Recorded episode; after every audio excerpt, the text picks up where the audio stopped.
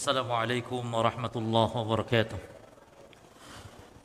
إن الحمد لله نحمده ونستعينه ونستغفره ونعوذ بالله من شرور أنفسنا ومن سيئات أعمالنا. من يهده له فلا مضل له ومن يضلل فلا هادي له. وأشهد أن لا إله إلا الله وحده لا شريك له. وأشهد أن محمدا عبده ورسوله صلى الله عليه وعلى آله وأصحابه والتابعين ومن تبعهم بإحسان إلى يوم الدين وسلم تسليما كثيرا أما بعد إخواني في الدين وأخواتي في الله رحمني ورحمكم الله kita melanjutkan membahas kitab Tauhid karya Syekh Al-Mujaddid Syekhul Islam Muhammad bin Abdul Wahab rahimahullah taala kitab ini judul aslinya adalah Kitab Tauhid alladhi huwa haqqullahi 'alal 'abid jadi panjang aslinya. Cuman kita kenalnya Kitabu At-Tauhid.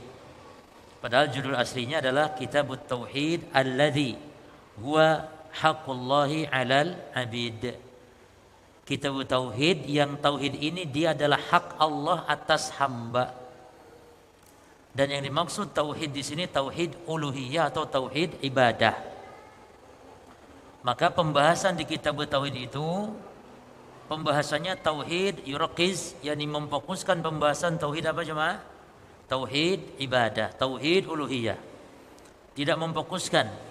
Walaupun dibahas namun tidak difokuskan pembahasan rububiyah pembahasan asma wa sifat. Namun di akhir nanti ada pembahasan asma wa sifat sedikit dan ada pembahasan rububiyah.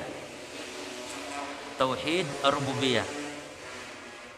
Bahkan kitab ini nanti diakhiri pembahasannya di bab-bab terakhir itu tentang rububiyah Allah tentang keagungan kebesaran Allah Subhanahu wa taala. Taib. Dan muallif mengambil judul kitab ini dari hadis Muad bin Jabal ketika ditanya tentang apa hak Allah atas hamba maka Muad mengatakan hak Allah atas hamba adalah an ya'buduhu wa la yusyriku bi syai'a. Beribadah kepada Allah tidak menyentuhkan dengan sesuatu pun. Ya. Taib jemaah sekalian, masuk sekarang bab yang ke 26. Nah, Al-Babu Sadis wal Ishrun bab 26 bisa jadi di kitab antum ini bab bisa jadi ini bab yang ke 25 bisa jadi. Ya. Karena memang kitab tauhid ini para jemaah ada yang menjadikan bab satunya itu adalah di mukaddimahnya di awal itu kitab tauhid ya. Itu bab satu. Ada yang menjadikan itu sebagai mukaddimah dan bab satunya adalah yaitu setelahnya. Yaitu bab tentang apa? Fadlut tauhid wa ma yukaffiru mina adz-dzunub bab tentang keutamaan tauhid dan tentang pengguguran dosa. Kenapa bab keutamaan tauhid dicantumkan pengguguran dosa karena memang di antara keutamaan tauhid yang paling agung adalah pengguguran dosa. Dan rata-rata amalan-amalan hebat dalam Islam, bahkan semua rukun-rukun Islam dari mulai syahadat atau tauhid, mulai sholat, zakat, puasa, haji, itu padilahnya adalah pengguguran dosa. Berarti pengguguran dosa ini hal yang sangat urgen dalam kehidupan hamba. Sangat penting jemaah. Oleh karena organ penting berarti kalau doa pun kita jangan lupakan doa ampunan kepada Allah Subhanahu wa taala. Ya. Taib kemudian bab ini bab yang ke-26 ini muallif membawakan setelah menjelaskan tentang sihir dan macam-macamnya. Maka sangat cocok, sangat tepat kalau muallif kemudian menyusulkan dengan bab tentang bagaimana cara menghilangkan sihir. Bagaimana cara menghilangkan sihir. Maka berkata mualif di sini bab babu majaa fin nusrah. Bab apa yang datang tentang masalah nusrah. Dan mualif tidak menyebutkan hukumnya karena hukumnya nanti ada dua hukum. Ada nusrah yang boleh dan ada nusrah yang tidak boleh. Ya. Maka mualif di sini membawakan beberapa dalil. Pertama, hadis Nabi dari sahabat Jabir yang kedua hadis Bukhari. Ya. Namun di hadis Bukhari ini bukan hadis tapi dia disebutnya asar. yakni menukil perkataan Ibnul Musayyib. Ibnul Musayyib seorang tabi'in dan asar itu adalah apa saja yang disandarkan baik perkataan atau perbuatan bukan kepada nabi tapi kepada as-sahabah atau kepada tabi'in. Itu bedanya antara al-asar dengan hadis. Kalau hadis ma'udhifa ila Nabi sallallahu alaihi wasallam min qaulin aw fi'lin aw taqririn aw sifatin khuluqiyatan kanat aw khalqiyah. Hadis adalah apa yang disandarkan kepada Nabi baik perkataannya, perbuatannya, takrir Nabi atau sifat Nabi. Baik sifat secara fisik atau sifat secara uh, akhlak Nabi. Jadi pokoknya kalau hadis disandarkan ke Nabi, kalau asar ke sahabat atau tabi'in. Maka kalau ucapan sahabat atau ucapan tabi'in biasa disebut dengan al-asar, itu membedakan dengan hadis. Kemudian dibawakan pula perkataan uh, al-Imam Al-Hasan Basri dan nanti terakhir yang keempatnya muallif nanti membawakan perkataan Imam Ibnu Qayyim yang menjelaskan tentang pembagian nusrah. Ya, pembagian apa? Nusrah. Taib. Dan insyaallah kita akan baca dari apa yang dikatakan dibawakan oleh muallif rahimahullahu taala. Baik. Qala al-muallif rahimahullah taala bab ma jaa fi nusrah bab tentang apa yang datang tentang masalah nusrah atau bab tentang nusrah. Baik. Kesimpulan bab ini jemaah sebelum kita kaji kesimpulannya apa? Kesimpulannya. Jadi kita selalu nanti kita ngajinya begitu. Apa kesimpulan bab? Lalu apa penjelasan berkaitan tentang masalah dan nanti kita bahas dalil per dalilnya. Demikian. Dan di akhir nanti kita ambil tentu fawaid dari setiap dalil. Nah, sekarang apa kesimpulan bab ini? Apa khalasah hadhihi tarjamah? Apa kesimpulan judul ini? Kesimpulannya bayanu haqiqati an-nusrah. Menjelaskan tentang hakikat nusrah wa bayanu annaha ala nau'ain. Dan di bab ini dijelaskan tentang nusrah itu dua macam. Ya. Wa bayanu hukmi kulli nau'in. Dan menjelaskan tentang penjelasan masing-masing dari macam nusrah. Hukumnya apa masing-masing dari nusrah? Ada dua macam. Ya, maka kalau ditanya apa hukum nusrah ya lihat dulu. Nusrah yang seperti apa jadi nusrah itu para jemaah definisinya ya nusrah itu apa? Nusrah itu kalau secara bahasa diambil dari kata an-nasru. An-nasru. An-nasru. Yang an-nasru ini lawan daripada at-tayyu. Ya, at-tayyu lawan daripada at-tay yang artinya al-kashfu atau al-izalah. Al-kashfu melepas, mengurai atau menghilangkan. Itu secara bahasa an-nasr. Ya. Berarti at-tai lawan dari an-nasr apa? At-tai me, ya lawan dari menguraikan, lawan dari melepaskan, ya, mengikat dan semisal. Berarti an-nasr lawan dari at-tai dan an-nasr artinya al-kashfu menyingkap, al-izalah menghilangkan, menyingkap, menghilangkan. Itu an-nasr secara bahasa. Adapun secara istilah syariat kita apa itu nusrah an-nasr di sini? Nusrah artinya halus sihri anil mashur. Halus sihri anil mashur. Melepas menghilangkan sihir dari orang yang kena sihir. Artinya melepas, menghilangkan sihir. Nah, itu maksud an-nusra. Dan an-nusra jemaah sekalian, sebelum kita kaji dalil-dalil kita jelaskan aksamuhu atau aksamuha. Pembagian nusrah. An-nusrah tanqasimu ila qismain. Nusrah ini terbagi dua. Jadi menghilangkan sihir itu ada dua macam. An-nusrah.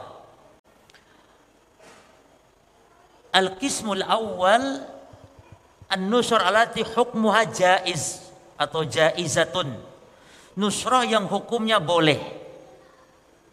Nah, apa nusrah yang boleh?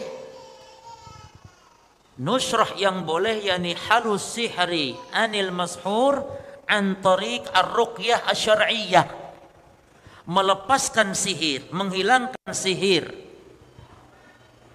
menghanguskan sihir dengan cara ruqyah syar'iyyah. Itu nusrah yang masyru' atau nusrah yang boleh. Ya. Atau dengan apa cara menghilangkan sihir selain ruqyah syar'iyyah? Bisa dengan obat-obatan yang mujarab. Ya. Seperti misalnya dengan daun bidara itu ada asarnya para jemaah ya.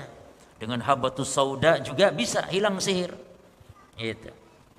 Intinya dengan rukyah syariah atau dengan obat-obatan yang mujarab yang dibolehkan tentunya ya. Itu an-nusrah al-jaizah, nusrah yang boleh. Al-qismu tsani Al-qismu tsani kecepatan ndak anda nih?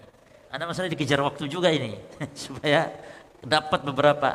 Kalau Ustaz Duna Abi Ibrahim, satu bab selesai atau enggak? Sekali pertemuan selesai? Satu bab? Enggak kan? Perdalil kita kan? Enggak apa-apa, sabar.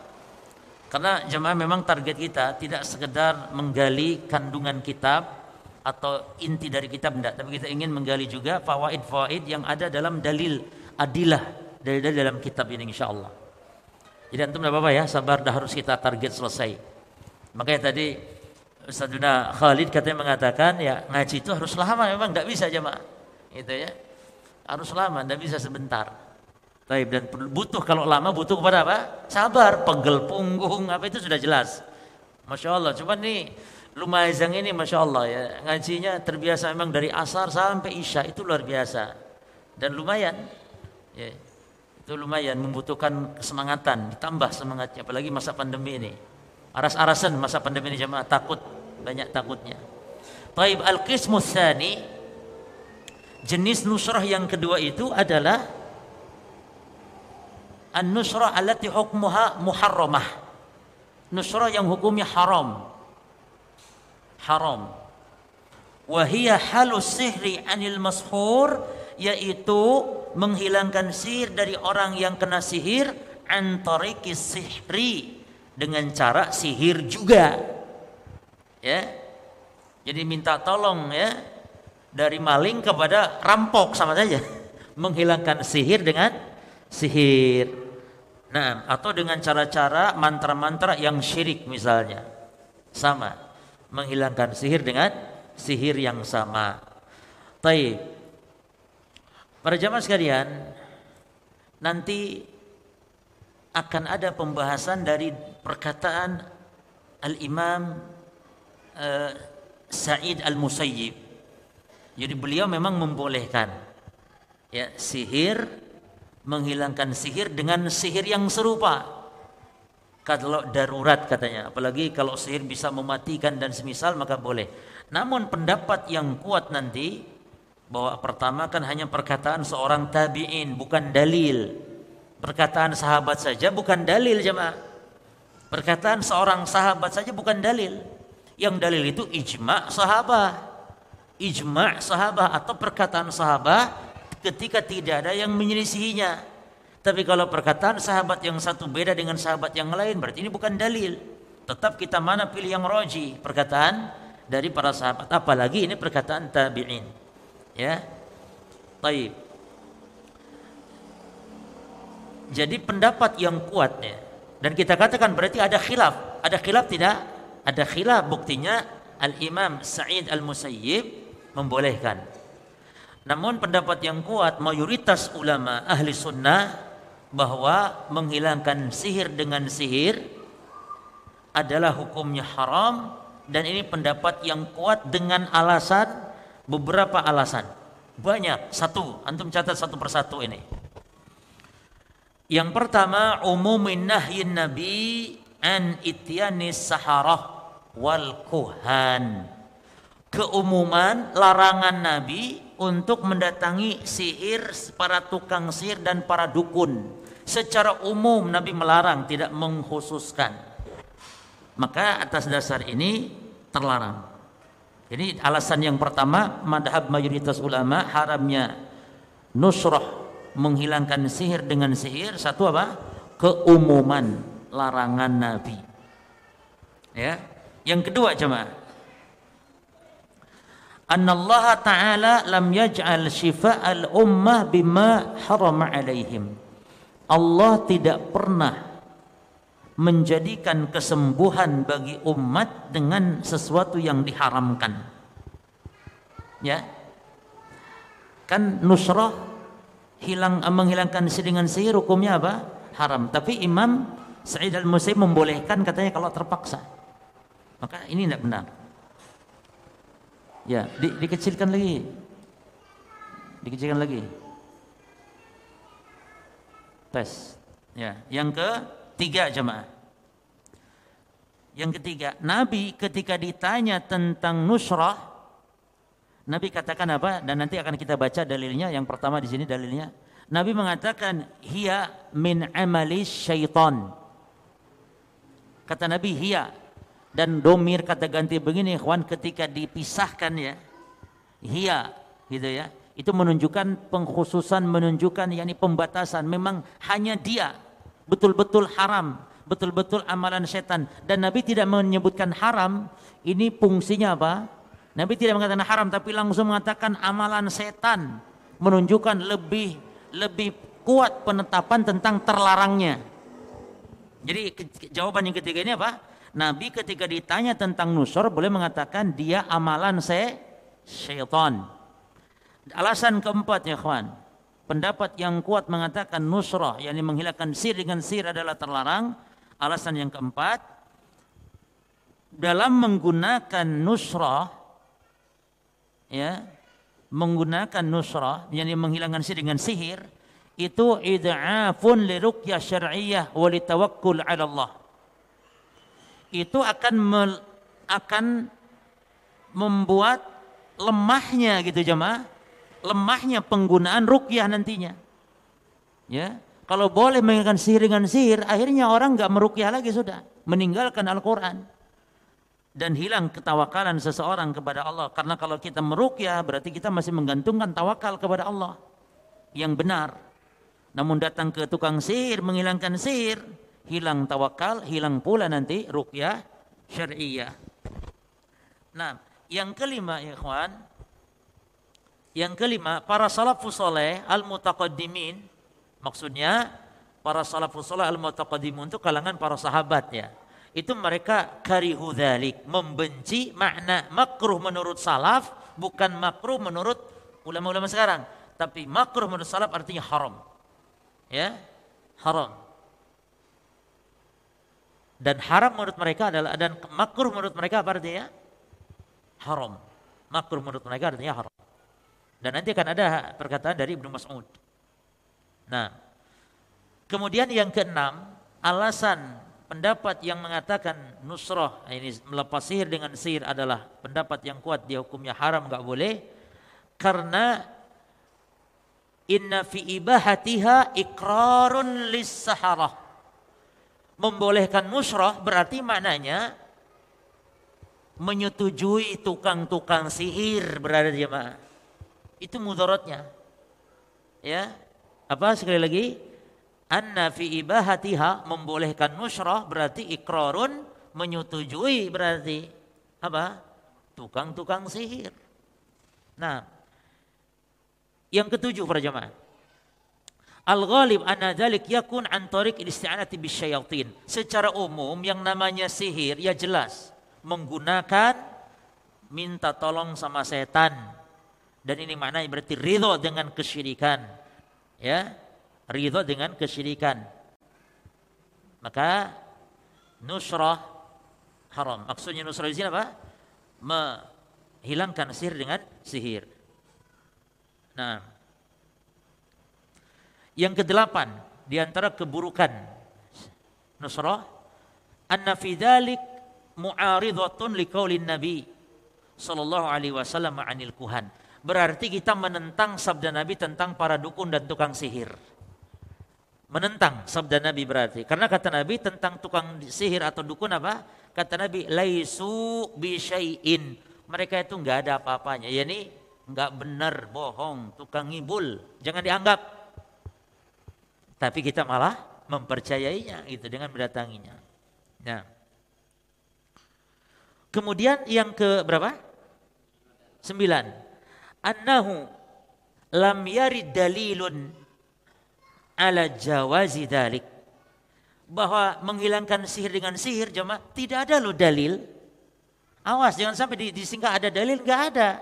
Ini kan hanya perkataan siapa tadi dalam kitab dalam bab ini nanti perkataan siapa kawan? Sa'id al-Musayyib. Perkataan Sa'id al-Musayyib. Ya. Jadi kalau dalil sendiri tidak ada yang membolehkan. Bahkan yang nampak dohir adillah di situ apa? Justru khilafu dalik, justru melarang. Melarang. Juga perhatikan, tidak ada dalil maksudnya dari Quran atau dari hadis juga tidak ada perkataan sahabat enggak yang membolehkan apa? Nusroh yang menghilangkan sihir dengan sihir enggak ada dari sahabat. Nah, dan itu hanya perkataan siapa? Jadi orang menyandarkan bolehnya nusroh kepada siapa? Kepada Sa'id al Musayyib rahimahullahu taala. Nah, berarti perkataan tabi'in menyelisih apa? Quran, menyelesaikan sunnah, menyelesaikan hadiah, eh, perkataan sahabat. Berarti sangat lemah dalil yang membolehkan ini. Yang keberapa? Sepuluh, terakhir. Di dalam dalil yang sahih riwayat Muslim ya riwayat Muslim bahwa Nabi bersabda Nabi bersabda I'radu alayya ruqakum. Perlihatkan dulu rukyah-rukyah kalian kepadaku kata Rasul. La ba'sa bima laisa fihi syirkun karena rukyah yang enggak ada syiriknya tidak apa-apa kata Rasul. Jelas ya? Nah, maksud hadis ini apa? Makna hadis ini Makna hadis ini apa? Berarti ketika kita berobat dengan cara menghilangkan sihir dengan sihir, di situ ada apa? Ada kesyirik kesyirikan. Maka seolah Nabi melarang. Artinya hadis-hadis yang seperti ini banyak. Jadi faedah ke-10 berarti banyak hadis-hadis yang menunjukkan justru melarang tentang masalah mengobati dengan apa? Mengobati yang menghilangkan sihir dengan sihir yang serupa. Nah, perlu diberi catatan jemaah. Setelah kita jelaskan ada 10 alasan bahwa menghilangkan sihir dengan sihir yang serupa adalah terlarang haram bahkan bisa jatuh kesyirikan, maka kita perlu memberi catatan. Catatan apa? Yang ini catatan membuat mereka semakin lemah yang mengatakan boleh. Catatan bahwa ulama yang membolehkan nusrah menghilangkan sihir dengan sihir, para ulama memberikan yang membolehkan ini memberikan syarat jemaah. Jadi tidak membolehkan secara mutlak tidak, tapi membolehkan menghilangkan sihir dengan sihir itu dengan memberikan syarat atau dengan mensyaratkan persyaratan. Hati-hati ini berarti tidak mutlak bolehnya tidak, tapi dengan syarat dan rata-rata syaratnya tidak bisa dipenuhi. Apa syarat pertama kata mereka yang membolehkan? Satu, catat. Jadi ini apa judulnya? Ulama yang membolehkan nusroh artinya menghilangkan sihir dengan sihir serupa ulama yang membolehkan memberi persyaratan. Bolehnya itu pakai syarat. Syarat pertama. Syarat pertama. Nah, syaratnya bisa tidak nih? Dan ternyata syarat-syarat ini sulit berat. Ini tidak sembarangan membolehkan itu juga. Satu syaratnya an ya'taqid kufras sahir. Nah, ketika membolehkan melepasi dengan sihir, maka yang pertama syaratnya wajib dia meyakini kafirnya tukang sihir. Mana kita datangi dia dan kita wajib meyakini kafirnya tukang sihir. Itu syarat pertama. Wajib kita meyakini itu. Syarat kedua, an ya'taqid annahu la ya'lamul ghaib. Syarat kedua, kita harus meyakini bahwa tukang sihir ini tidak tahu perkara gaib. Tidak boleh meyakini dia tahu gaib. Syarat kedua. Ya. Karena para jemaah kalau kita meyakini itu jelas kufur. Makanya para ulama yang membolehkan ini juga jangan sampai jatuh ke kufuran. Di antaranya ini dia. Tidak tidak uh, wajib meyakini tukang sihir kafir, yang kedua wajib meyakini bahwa tukang sihir tidak tahu ilmu gaib. Syarat ketiga, an la ya'mala bima ya'maruhu bima ya'muruhu bihmina asyirkiyat. Tidak boleh melakukan apa yang diperintahkan oleh tukang sihir berupa kesyirikan. Kalau suruh nyembelih ayam hitam, ayam cemani, kambing yang serba hitam misalnya ya, itu kesyirikan. Nggak boleh dilakukan. Seperti menyembelih untuk selain Allah. Nggak boleh. Dan orang nggak mampu jemaah karena nanti dianggapnya apa? Takut nggak mempan kalau nggak dilakukan. Ini kan kata dukun ini syaratnya harus nyembelih ayam hitam di malam Jumat Kliwon ketika mata ketika terang bulan misalnya. Oh, sudah. Melakukannya berarti tidak terpenuhi syaratnya. Terus syarat yang keberapa? Syarat yang keempat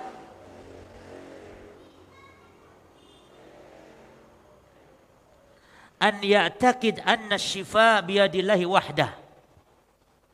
Wajib meyakini kesembuhan hanya di tangan Allah. Wa ana sahir sababun dan tukang sihir hanyalah sebab. Ya, ini jelas ya. Rata-rata mereka gitu kalau ini. Kalau ini gampang syarat ini. Ya. Rata-rata orang yang datang ke dukun, ya itu dia meyakini Allah katanya mendatangkan rezeki yang dukun hanya sebab saja. Kalau ini tidak masalah. Yang berat itu tadi itu. Kalau kalau tukang sihir merintahkan sesuatu yang berbau kesyirikan, nggak boleh dia dia turuti. Nah, ini yang berat. Terus syarat berikutnya coba. Perhatikan, syarat berikutnya, kalaupun membolehkan itu ulama yang membolehkan syaratnya yang berikut. Ayyakuna dzalik lidharurah al-mulahhah lalil hajah. Bolehnya melepas sihir dengan sihir itu haruslah karena darurat yang sangat penting bukan sekedar karena ada hajat saja tidak, tapi memang darurat. Gitu. Betul-betul darurat Mulihat atau mulaha itu artinya yang sangat-sangat genting, gawat darurat sudah. Ya. Bukan karena sebab hajat. Nah,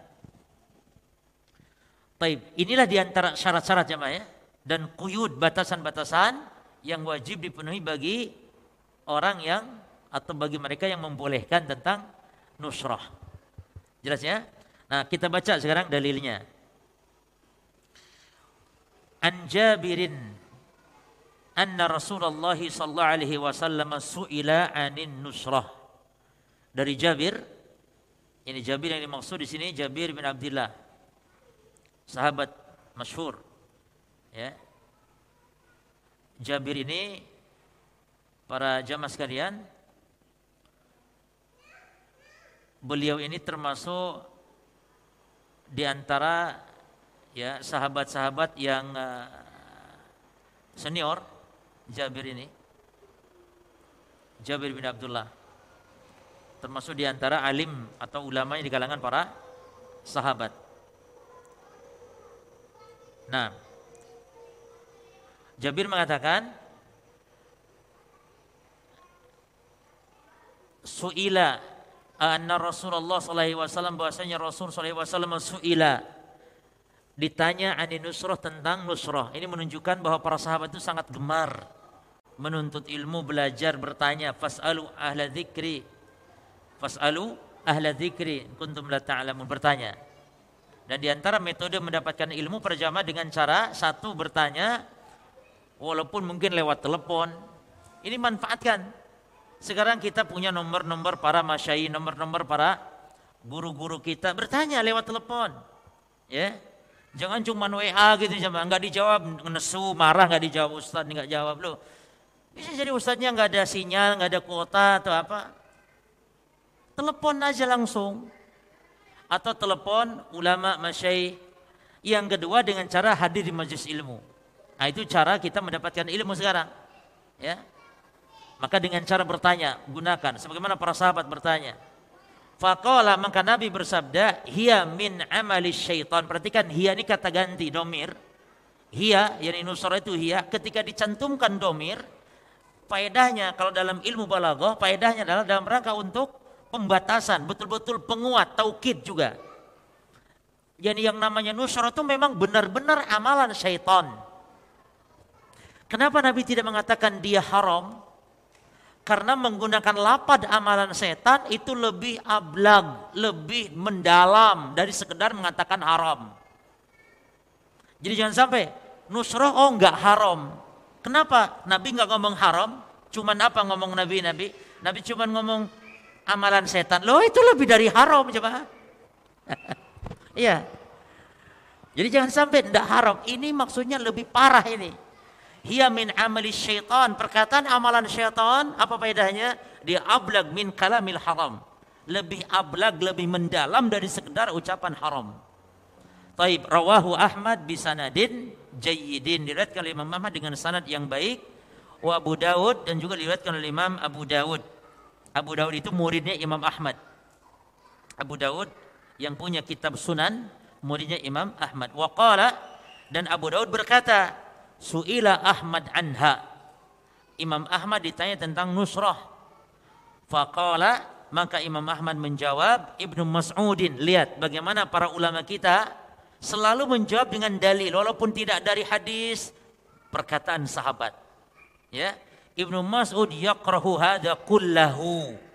Ibnu Mas'ud perhatikan lafaz makruh di sini yani yukra yakrahu kalau yakrahu perkataan dari para sahabat maknanya bukan makruh artinya di bawah haram tidak maksud dari makruh yani maknanya apa kalau para sahabat yang ngomong maksudnya haram. Ya, Ibnu Mas'ud yaqrahu hadza kullah, Ibnu Mas'ud mengharamkan semuanya ini. Ya, Ibnu Mas'ud mengharamkan semuanya ini. Taib. Apa syahidnya atau segi pendalilan dari hadis ini terhadap bab kita jemaah? Segi pendalilannya adalah bahwa Nabi di sini mengatakan nusrah itu amalan apa? Amalan setan dan ini yang dimaksud nusrah asyirkiyah, yakni nusrah yang memang ada kesyirikan. Memang nusrah yang biasa dilakukan orang-orang jahiliyah dahulu. Karena nusrah tadi ada dua, ada nusrah yang boleh. Makanya Nabi selalu melihat kata Nabi, lihat i'radu alayya ruqakum perlihatkan kepadaku ruqyah-ruqyah kalian.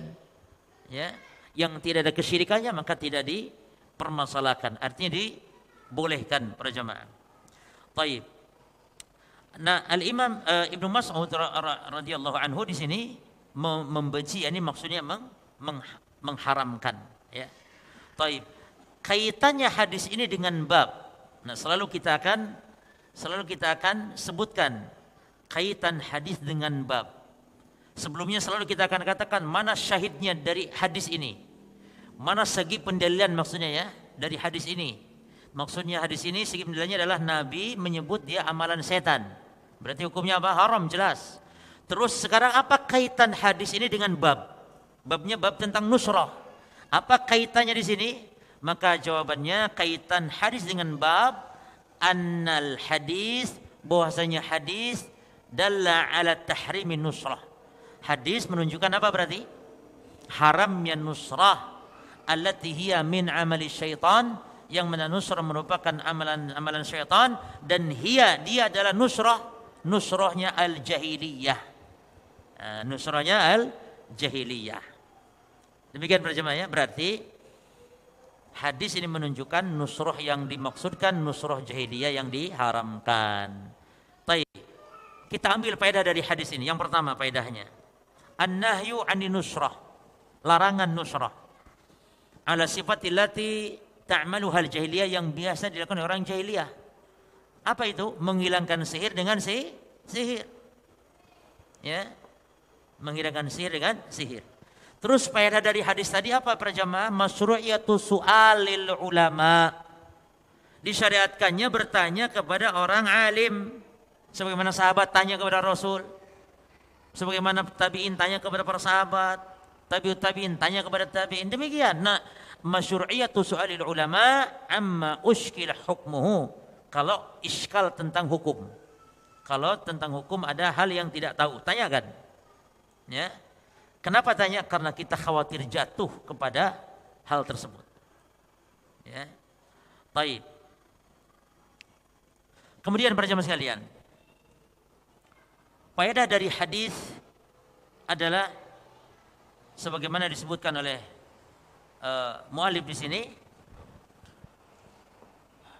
bahwa Imam Abu Dawud bertanya kepada Imam Ahmad dan Imam Ahmad berdalil dengan perkataan Ibnu Mas'ud menunjukkan bahwa pentingnya kita dalam menyampaikan satu hukum dengan menyertakan dalil. Ah, yakni uh, menyebutkan dalil ketika menyampaikan sebuah hukum. Ya, demikian. Ini pada yang berkaitan dengan hadis. Baik, kita baca hadis berikutnya. Wa fil Bukhari. Nah, ini yang dimaksud. Perkataan Sa'id Al-Musayyib rahimahullah. Wa fil Bukhari an Qatadata. Dan di dalam riwayat Imam Bukhari dari Qatadah. Qatadah yang dimaksud yakni beliau seorang uh, ulama tabi'in bahkan beliau ini termasuk min ahfadit tabi'in, tabi'in yang paling hafid. Yani hafalannya kuat. Ya. Ini namanya Qatadah bin Di'amah. Ya. Al-Basri. Jadi beliau termasuk di antara ulama-ulama tabi'in dari Basrah. Ya. Qatadah bin Di'amah As-Sadusi Al-Basri sebagaimana Imam Al Hasan Basri ya, dari Basrah. Tapi ada Basrah, ada Busra. Kalau Basrah itu di Irak, kalau Busra itu di Syam. Ada Busra. Busra, ada Basrah. Nah, orang Basrah disebut Basri. Al Imam uh, Al Hasan Basri yang masyhur. Taib. Kemudian ditanya Qultu li ibnil Musayyib Kata Qatadah, aku bertanya, ini berkata kepada Ibnul Musayyib. Ibnul Musayyib ini ulama besar dari kalangan tabi'in. Ya, Sa'id Al-Musayyib kibar tabi'in. Ya, Sa'id Al-Musayyib. Apa pertanyaannya? Rajulun bihi tibbun. Ya. Ada orang yang bihi tibbun. Tibbun itu artinya tohnya di kasrah ya tibbun. Ya yakni dia kena sihir. Ya, kena sihir. Taib, kenapa sihir disebut tib? Tib artinya kan baik gitu ya. Kenapa? Ya orang Arab kalau sesuatu yang yang jelek itu suka diganti dengan yang baik, itu dalam rangka tafaulan. Ya. Dalam rangka tafaulan. Kalau ada jelek disebut kamu dasar si ganteng padahal jelek. Padahal jelek. Kamu si ganteng gitu. Tafaulan. Yani optimis dengan sesuatu yang jelek. Makanya kalau kita dibolehkan optimis dengan ketika sesuatu yang baik kita dengar, ya, itu boleh. Nah, jadi tib itu artinya sebenarnya sihir. Tapi di, dinamai dengan tib ya. Sihir dinamai tib itu yakni dalam rangka tafaulan. Dalam rangka kita beroptimis sesuatu yang baik. Jadi orang yang kena sihir atau di sini disebutkan dalam hadis atau uh, atau yu'akhadu animra'atihi. Maksud yu'akhadu animra'atihi yani yu'akhadu artinya yuhbasu tertahan, tidak bisa jima terhadap istrinya. Jadi dia kena sihir atau maknanya di sini adalah dia tidak bisa jima dengan istrinya karena kena sihir tersebut. Itu maksud dari yu'akhadhu. Ay artinya yuhbasu an imraatihi. Ya. Mohon maaf ya, jadi entah itu impoten karena sihir tapi. Jadi bukan karena penyakit biasa, karena sihir. Maka di antara sihir, ikhwan, ada sihir itu yang bisa menyebabkan orang tidak bisa jima sehubungan suami istri. Nah orang yang seperti ini, ditanyakan kepada Al-Imam Hasan Basri, ayuhalu anhu au yunasyaru? Ini bolehkah dia dihilangkan sihirnya atau dengan cara dia boleh tidak dinusrah? Ini dihilangkan sihir dengan apa? Dihilangkan sihir dengan sihir. Sebenarnya cuma sekalian, perkataan Ibnul Musayyib di sini atau riwayat Ibnul Musayyib di sini sebenarnya tidak secara tegas ya. Tidak secara tegas sebenarnya membolehkan nusroh sebenarnya. Namun ada sebagian ulama yang mengambil kesimpulan dari riwayat ini seolah-olah Ibnul Musayyib membolehkan nusroh. Coba antum perhatikan nih secara terjemahannya. Antum perhatikan. Apakah boleh dihilangkan dia dari sihirnya Atau boleh enggak dia dinusrah? Yang maksudnya apa? Nusrah kan ada dua tadi. Bisa jadi nusrah yang boleh ya, bisa jadi nusrah yang tidak boleh. Jadi di sini masih apa cuma? Masih ngambang begitu, tidak tegas. Hanya boleh enggak dinusrah gitu. Nah dipahami oleh sebagian ulama maksud dinusrah ini dengan cara nusrah jahiliyah tadi. Yani boleh enggak dinusrah yang maksud nusrah menghilangkan sihir dengan sihir. Maka apa kata Imam Sa'id al-Musayyib? Boleh musayyab boleh musayyib bacanya ya. Apa katanya? La ba'sabihi jadi katanya tidak mengapa dengannya. Jadi boleh. Nah ini tadi boleh itu kan pertanyaannya apa? Nusroh nusroh yang mana yang dimaksud? Kan tidak tegas tidak sorry kan jemaah makanya sebagian ulama mengatakan loh Ibnul Musayyib tidak membolehkan kok karena yang dimaksud boleh di situ nusroh yang al-jaizah tadi. Jelas nggak di sini? Namun oke, okay, ada memang sebagian ulama yang membolehkan khususnya dari kalangan madhab Hanabilah. Kalau di kalangan ulama-ulama fikih itu dari madhab Hanabilah, ulama-ulama Hambali yang membolehkan. Ya, baik, tidak masalah. Kalaupun dipahami nusra di sini nusra yang terlarang, ketika Ibnu Nusaib mengatakan laba sabihi tidak mengapa dengan nusra innama yuriduna bil islah. Karena sesungguhnya dia menginginkan dengan nusrah itu kebaikan ya. Dengan nasr itu kebaikan maka tidak mengapa.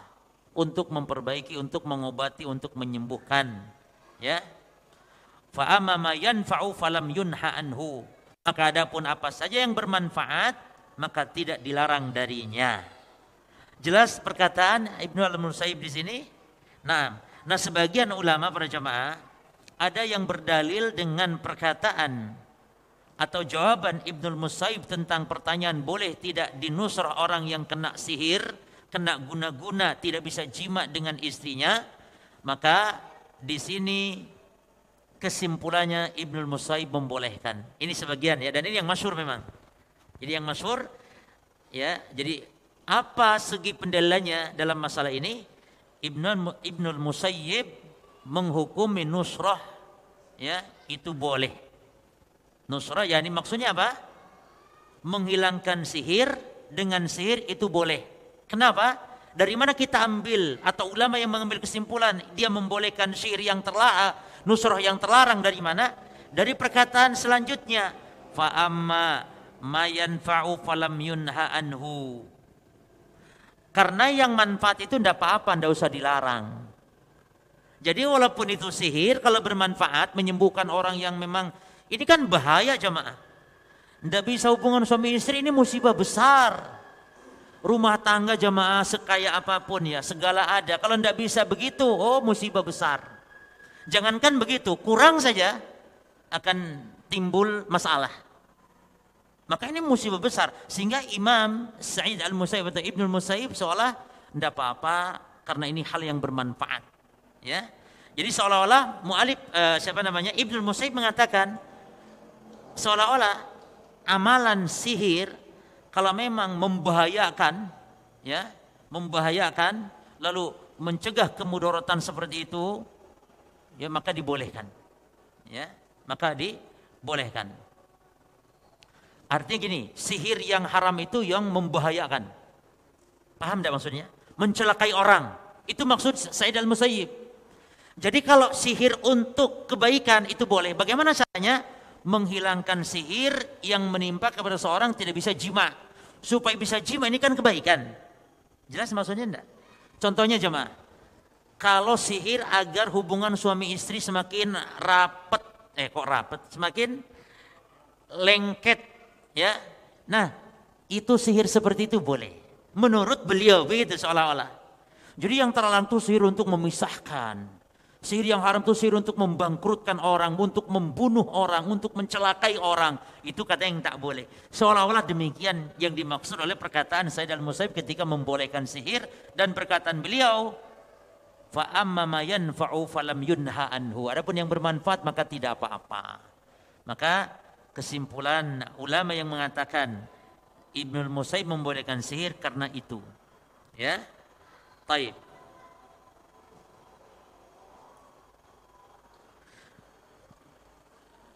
Isya dulu. Taib, ya. Isya dulu ya. Langsung salat ya. Nah, taib. Sampai sini dulu kita lanjut setelah salat. Subhanakallahumma bihamdika asyhadu an la ilaha illa anta astaghfiruka wa atubu ilaik. Assalamualaikum warahmatullahi wabarakatuh.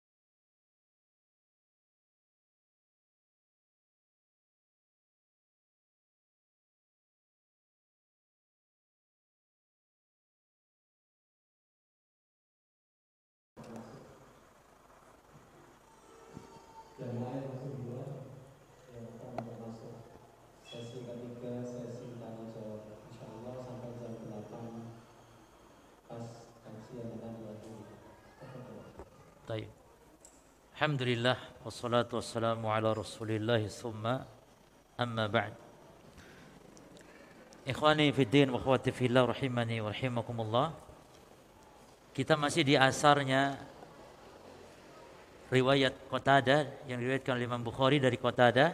Dia bertanya kepada Ibnu Al-Musayyib atau Ibnu Al-Musayyab. Dan asar ini menunjukkan yakni Ibnul Musayyib atau Sa'id Ibnul Musayyib membolehkan menghilangkan sihir dengan sihir yang sama. Ya. Dan perkataan uh, dalam asar ini disebutkan atau kita mengambil faedah di sini bahwa anna Ibnul Musayyib bahwasanya Ibnul Musayyib membolehkan nusrah Ya.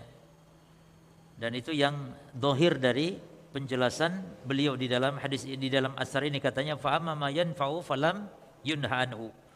Ya, kalau bermanfaat maka dibolehkan. Taib. Kemudian waruwiya anil Hasan annahu qala dan diriwayatkan dari Al Imam Al Hasan Basri.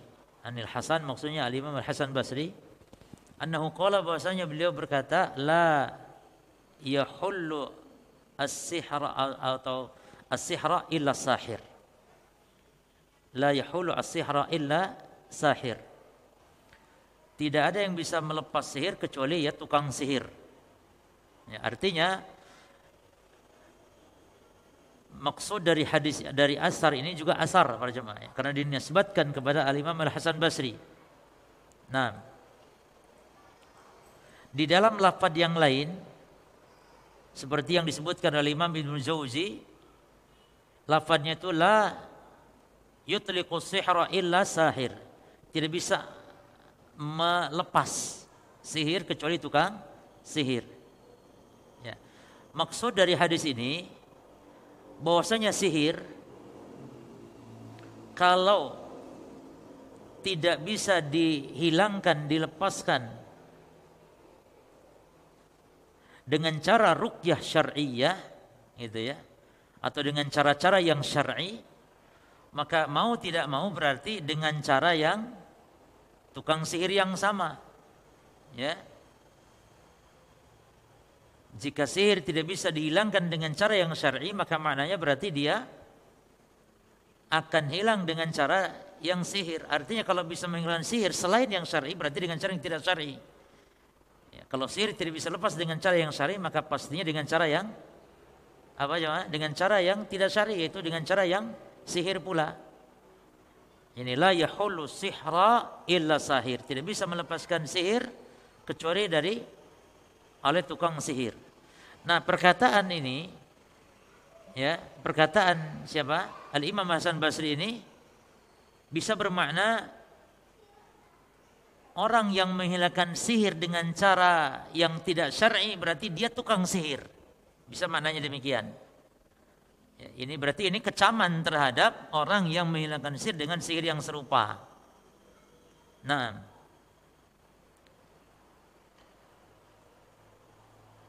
artinya la yaqdiru ala hillihi ila man ya'rifu sihra.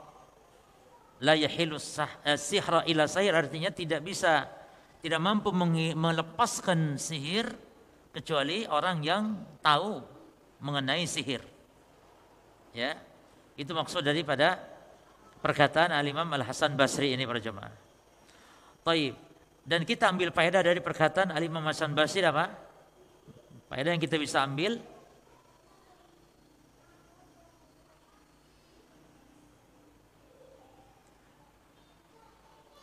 Perkataan yang bisa diambil dari perkataan Al-Imam Hasan Basri adalah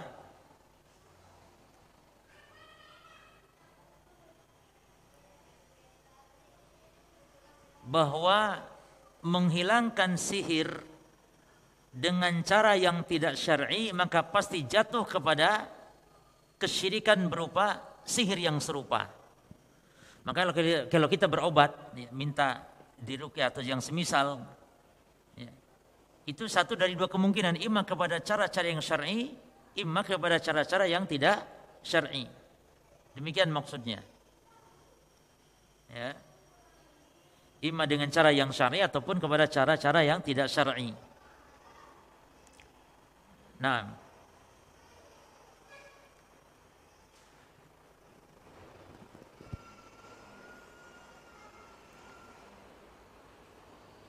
Kemudian terakhir penulis membawakan perkataan Al-Imam Ibnu Qayyim yang mana sebagai penjelasan dari dalil-dalil yang telah disebutkan.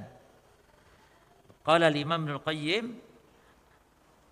An-nusratu nusrah artinya halus sihr halus sihri anil mashur melepaskan sihir dari yang karena sihir wahiyya nau'ani dan dia ada dua macam. Ahaduhuma yang pertama adalah halun bisihrin mislih. Menghilangkan sihir dengan sihir yang serupa. Wa huwa alladhi min amali syaitan dan itulah yang disebut dengan amalan syaitan. Wa alaihi dan kepada makna inilah yuhmal qaulul hasan. Ya. Kepada inilah perkataan Imam Hasan Basri diambil tadi. Jadi maksud perkataan Imam Hasan Basri adalah tidak ada yang bisa melepas sihir kecuali ya tukang sihir. Artinya artinya Imam Hasan Basri mencela kalau ada orang melepasi dengan cara yang tidak syar'i, berarti dia tukang sihir karena jatuh kepada sihir yang serupa. Jelas ya? Itu maksudnya. Jadi maksudnya yang dikecam oleh Imam Hasan Basri adalah melepaskan sihir dengan sihir yang serupa. Fayataqarrabun nashiru wal muntashiru ila syaitan bima yuhib. Sehingga akhirnya orang yang nasyir ya wal muntasir yang nasir yang melepas sihir. Wal muntasir yang minta dilepaskan sihirnya itu mereka takorub kepada setan dua-duanya bima yuhibbu kepada apa yang disukai oleh syaitan. Fayubtilu amaluhu anil mashuri. Fayubtilu amalahu anil mashuri. Sehingga dilepaskan ya amalan-amalan dari orang yang kena sihir. Nah wasani yang kedua An-nusratu biruqyah wa ta'awudzat. Yang kedua nusrah dengan ruqyah syariah dengan doa-doa perlindungan wala adwiyat dengan obat-obatan seperti kurma itu jemaah. Kurma walaupun sebagian hadis menyebutkan kurma ajwa yang orang dalam rapat-rapat yang lain pokoknya makan tiap hari subuh pagi maksudnya tiga butir kurma eh, tujuh butir kurma itu juga merupakan bentuk pengobatan penjagaan dari sihir ya wa mubah dan doa-doa yang dimubah yang dibolehkan fahada jaiz maka ini yang boleh. Jadi perkataan Ibnu Qayyim ini sebagai penjelasan terhadap kesimpulan dari bab ini. Maka tadi saya katakan di awal bab ini menjelaskan tentang apa? Hukum nusrah dan menjelaskan tentang pembagian nusrah sebagaimana dijelaskan oleh Imam Ibnu Qayyim rahimahullahu taala. Jadi Imam Ibnu Qayyim dijadikan dalil oleh muallif di sini, perkataan Imam Ibnu Qayyim dijadikan dalil oleh penulis kitab At-Tauhid sebagai bentuk rincian ya tentang hukum nusrah. Rincian tentang hukum tentang hukum nusrah para jamaah. Dan insyaallah taala di bab ini ya selesai pembahasan tentang masalah nusrah dan nanti pembahasan berikut tentang totayur jadi mu'alif di sini menjelaskan tentang apa itu tauhid yang dijelaskan dengan lawannya berupa kesyirikan-kesyirikan. Dan keajaiban penulis di sini dalam menulis kitab tauhid itu adalah dia menulisnya itu berjamaah dengan cara ber, apa, bertahap dan dengan cara susunannya sistematis. Syirik-syirik yang dijelaskan di sini dulu syirik-syirik kecil yang berkaitan syirik-syirik hati dulu. Syirik-syirik dalam hal syirik yang khafi. Ya, maka disebutkan nanti bab totayur. Totayur itu menganggap sial terhadap sesuatu yang dia dengar, yang dia lihat. Dan itu bagian dari syirik kecil dan itu syirik khofi. Syirik khofi, syirik dalam hati. Nah, insya Allah akan kita kaji nanti setelah bab ini insya Allah ta'ala. Kesimpulan dari bab ini para jamaah sekalian. Kesimpulan dari bab ini bahwa mengobati sihir itu ada dua macam hukum. Pertama yang boleh yaitu dengan rukyah syariah dan yang kedua yang tidak boleh. Ya. Yang tidak boleh itu dengan cara-cara menghilangkan sihir dengan sihir yang serupa. Menghilangkan sihir dengan sihir yang serupa. Nah. Ada ulama yang membolehkan dengan alasan ketika darurat namun pendapat itu lemah. Tidak antara kesimpulan dari bab ini. Ya. Dan riwayat yang menunjukkan boleh hanya dari Sa'id Al-Musayyib. Adapun Imam Hasan Basri tadi maknanya mencela ya, la yahilu asihra ila sahir maksudnya maksudnya asar dari Imam Hasan Basri menunjukkan bahwa Imam Hasan Basri berpendapat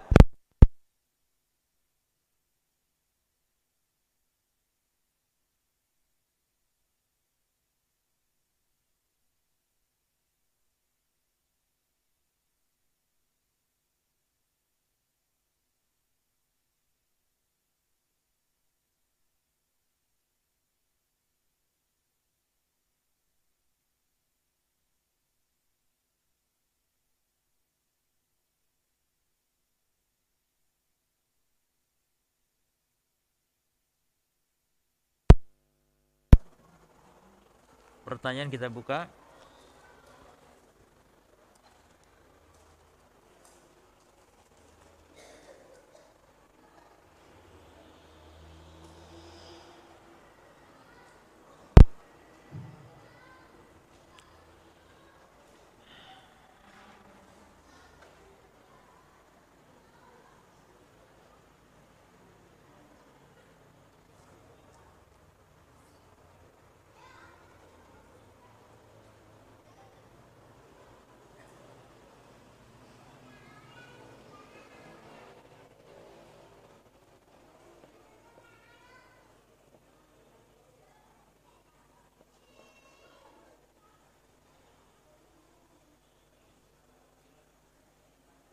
Tapi ada pertanyaan?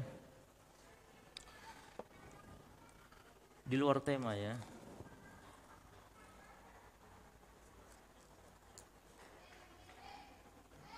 Tidak apa-apa walaupun di luar tema apa tapi penting tentang vaksin cuma vaksin Covid. Ustadz bagaimana dengan vaksin Covid yang akan diberikan atau diwajibkan oleh pemerintah karena ada yang bilang itu adalah bisnis atau politik, bagaimana sikap kita. Tapi masalah vaksin ini para jamaah dan ini masalah yang sifatnya umum, masalah hajat orang banyak ya. Ya tentu kita harus mendengar eh, sumber-sumber uh, yang jelas yang datang resmi dari pemerintah para jemaah. Jadi tidak boleh kita mendengar dari hal-hal yang tidak jelas. Dan itu adalah akidah kita tentang masalah ini. Makanya kita diperintah mendengar dan taat itu maksudnya mendengar dalam perkara-perkara yang urusan hajat orang banyak. Jadi tidak boleh seorang muslim untuk menerima berita-berita yang dia bukan berasal dari sumber yang resmi apalagi masalah vaksin ini. Ya. Memang kita saksikan terkadang sesama elit politik pun ya mereka pada saling gontok-gontokan. Bahkan ada yang sampai saya tidak mau katanya gitu ya. Dan itu disebarkan kepada rakyat. Rakyat bingung akhirnya. Maka insya Allah tentang vaksin dan negara-negara lain pun sudah menggunakan seperti di Saudi Arabia dan semisalnya. Maka kalau memang ini suatu kebaikan tidak masalah walaupun katanya vaksin apa namanya ini 6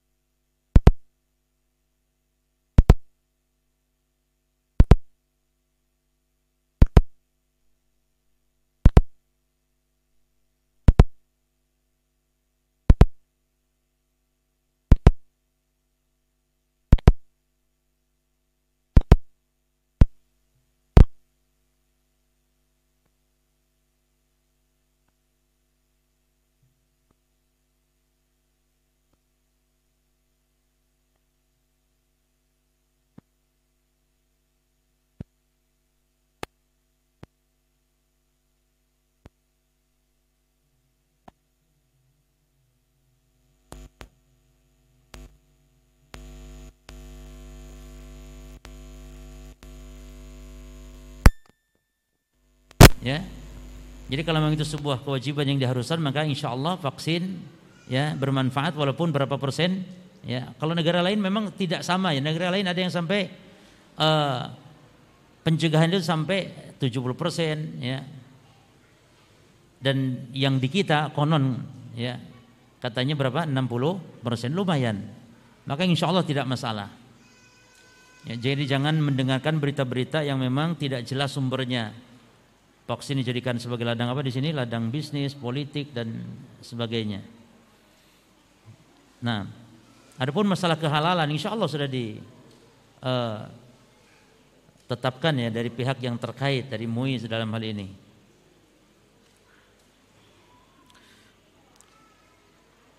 Baik, wallahu taala alam. Ustaz, apabila di tengah salat kita merasa ria, apakah boleh membatalkan salat dan mengulang dari awal? Tidak boleh.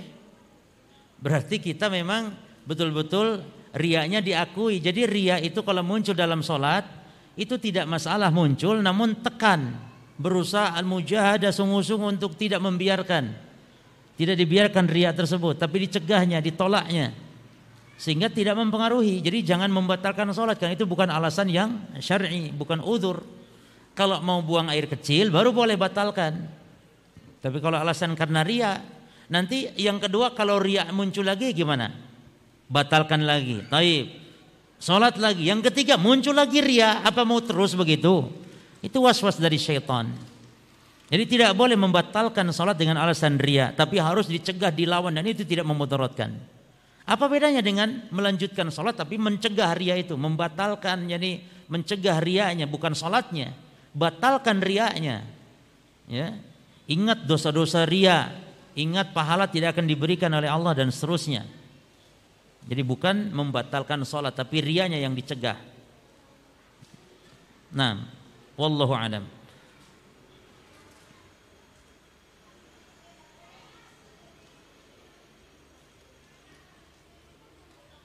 Tadi sempat katanya disebutkan nikmat yang yang disegerakan. Apakah nikmat yang disegerakan di dunia maka nikmat tersebut tidak didapatkan di akhirat? Bukan nikmat maksudnya kabar gembira yang disegerakan di dunia sebelum di akhirat. Maksudnya di akhirat dapat yang lebih dahsyat lagi gitu loh. Jadi bukan berarti nikmat di dunia, bukan nikmat lagi yang ke yakni busra ajilu busra ajilu busral mu'min fid dunya itu adalah busra kabar gembira bagi orang beriman yang Allah segerakan di dunia maksudnya sebelum akhirat jadi di akhirat tetap mendapatkan kabar gembira berupa surga tersebut ya, jadi bukan berarti nikmat nikmat bukan tapi kabar gembira bagi jadi kalau ada pujian bagi orang yang ibadah tapi di akhir ibadah nah itu yang dimaksud jadi bukan nikmat tapi busra, kabar gembira. Nah, wallahu alam bisawab.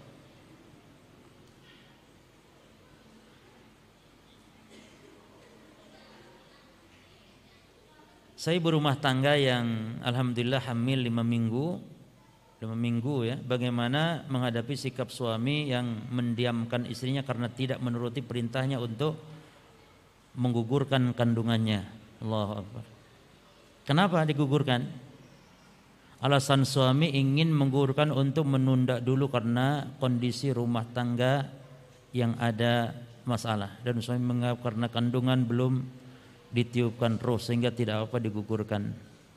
Saya sudah menjelaskan secara hukum syariat tentang aborsi dari beberapa jawaban Ustaz. Bagaimana suami?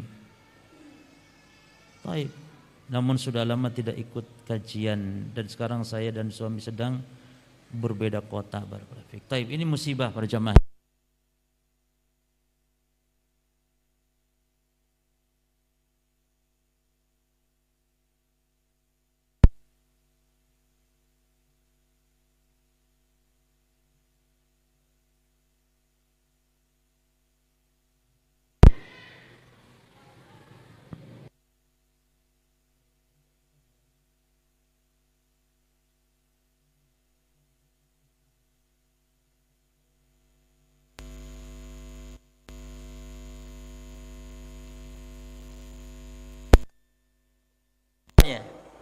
haram mutlak kecuali kalau dipastikan ya dipastikan misalnya akan membahayakan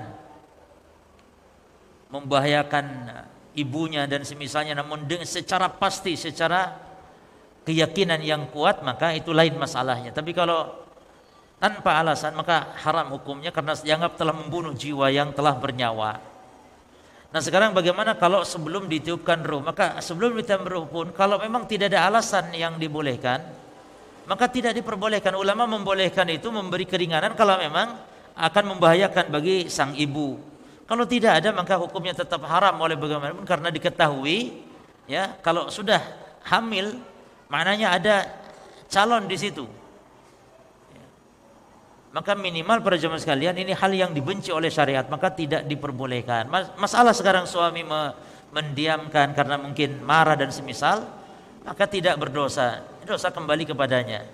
Dia harus bersabar terus dinasehati dan seterusnya dinasihati dengan cara yang baik dan kita tetap bersabar insya Allah semoga Allah memberikan jalan keluarnya ya Taib dan hal seperti ini insya Allah mudah-mudahan ya sebagai sebab mungkin kalau suaminya mendengar mudah-mudahan menjadi sebab beliau mendapatkan hidayah.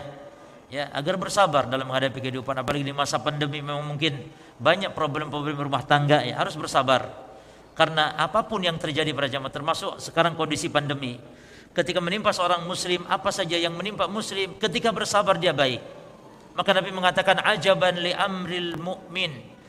Ajaban lil mu'min inna amrahu kullahu khair mengagumkan urusan orang beriman karena semua urusannya baik kata Nabi walaysa dzaka li ahadin illa lil mu'min dan itu tidak terdapat pada siapa pun kecuali pada diri seorang mukmin yang urusannya itu semuanya baik lalu Nabi mengatakan in asabathu sarra'u fasyakara fakana khairan lah. Kalau ditimpa kesenangan, ditimpa nikmat bersyukur maka dia baik baginya kata Nabi. Lalu in asabathu dharra sabara fakana khairan lah. Kalau ditimpa yakni kemudorotan, kesulitan lalu bersabar maka dengan itu dia akan menjadi mendapatkan kebaikan. Maka bersabar para jemaah dengan kondisi. Sehingga banyak sekarang uh, istilah-istilah di masyarakat banyak kan perceraian dengan sebab pandemi ini. Eh, maka memang pandemi azab namun bagi orang-orang kafir, orang-orang ahlul maksiat, tapi bagi orang beriman pandemi adalah rahmat. Nabi bersabda tentang taun para jemaah. Adzabun yursiluhu Allahu ala man yasha wa rahmatun lil mu'minin. Pandemi ini kata Nabi azab yang Allah utus bagi siapa yang Allah kehendaki untuk diazab dengan pandemi ini. Tapi pandemi ini rahmat bagi orang-orang yang beriman. Maka ini rahmat pada jamaah, banyak hikmahnya. Maka mari dengan pandemi keluarga maksudnya semakin mendekatkan diri kepada Allah. Harus semakin menguatkan keimanan. Harus banyak-banyak ibadah. Nabi kalau datang problem apa masalah dalam keluarga atau apa pun, Nabi segera salat, segera berzikir, segera berdoa. Idza hazabahul amr faji' ila salat. Nabi kalau datang urusan yang memberatkan beliau segera datang beliau segera untuk melakukan ibadah salat berzikir, membaca Al-Qur'an. Mungkin kadang-kadang di dalam sebuah keluarga ketika sudah gersang kering dari ibadah yang muncul banyak problem-problem dalam keluarga. Maka coba semakin mendekatkan diri kepada Allah Subhanahu wa taala. Bagaimana cara mem, mem, apa namanya membedakan merubah sihir yang uh, mengatasnamakan ustadz atau kiai sesuai syariat atau tidaknya karena ada yang e, terkesan islami padahal dukun. Nah, ya dengan tata caranya. Jadi kalau merukyah dengan cara-cara yang ganjil ya. Di antaranya disebutkan para ulama ciri-ciri dukun walaupun baca Quran tapi itu dukun. Pertama cirinya dia akan bertanya nama ibu. Yang kedua dia akan meminta bekas pakaiannya orang yang sakit bekas pakaiannya ya, entah itu pakai bajunya, pakaian dalamnya dan semisal atau minta rambutnya dan yang semisal. Yang ketiga dia akan memberikan benda untuk dipasang. Ini termasuk walaupun dia ustadz kiai kalau memberikan benda untuk dipasang atau dikuburkan maka dia dukun. Jangan berobat ke tempat seperti itu. Tanda berikutnya dia akan baca Quran dengan suara yang keras, tiba-tiba di tengah bacaan dia suaranya hilang. Hanya bisik-bisik saja baca Quran keras, mungkin ayat kursi di tengah-tengah bacaan tiba-tiba diam, dia tiba-tiba dia komat kamit. Maka ini dukun. Kenapa harus diam? Kenapa harus komat kamit? Ya. Kemudian di antara ciri yang lain dia akan meminta syarat untuk disembeli dengan binatang ciri tertentu. Ini jelas. Ayam kalau tidak putih semua warna biasa, kalau tidak putih warnanya semua atau hitam warna semuanya. Disuruh disembelihnya. Itu di antara ciri-cirinya. Demikian pula kalau dia memberikan raja-raja, walaupun kiai ya, raja-raja itu, walaupun tulisan Arab, walaupun tulisan nama Allahnya, hati-hati. Ada loh nama Allah di situ, namun sebelumnya ada coretan-coretan yang kita tidak paham. Biasanya ada tulisan ya Allah, lalu setelahnya ada tulisan la la la la la lam alif lam alif lam alif. Ternyata kalau kita lihat-lihat loh ini Allah tiba-tiba la, artinya Allah nggak ada. Ya. Atau ada walaupun tulisan Arab hati-hati. Walaupun ada ayat Qur'annya kalau disuruh dipajang, apalagi ada sesuatu yang kita tidak tahu, tidak jelas huruf-hurufnya maka itu adalah jelas dukun. Maka waspadai. Demikian terkadang ada yang merukyah dengan cara-cara yang aneh. Kemudian kalau ada du, ada orang perukyah misalnya, dia mengatakan di pojok di sini ada jinnya. Di pojok sebelah sini ada jinnya atau di atap rumah itu ada yang nunggunya. Ini jelas ini jelas adalah dukun yang me, merubah wujud ustaz. Artinya dukun artinya. Tidak benar Pak jemaah ada yakni jin di sebelah sini di sebelah situ itu bisa orang melihat jin. Ya, maka itu adalah hanya dugaan-dugaan saya. Dan hati-hati dengan atau apa namanya orang yang mengobati sihir dengan ciri-ciri seperti itu. Wallahu taala alam. Di antara ciri secara umumnya wallahu taala alam. Semoga bermanfaat. Cukup ya. Subhanakallahumma bihamdika. Asyhadu an la ilaha illa anta. Astaghfiruka wa atubu warahmatullahi wabarakatuh Thank you.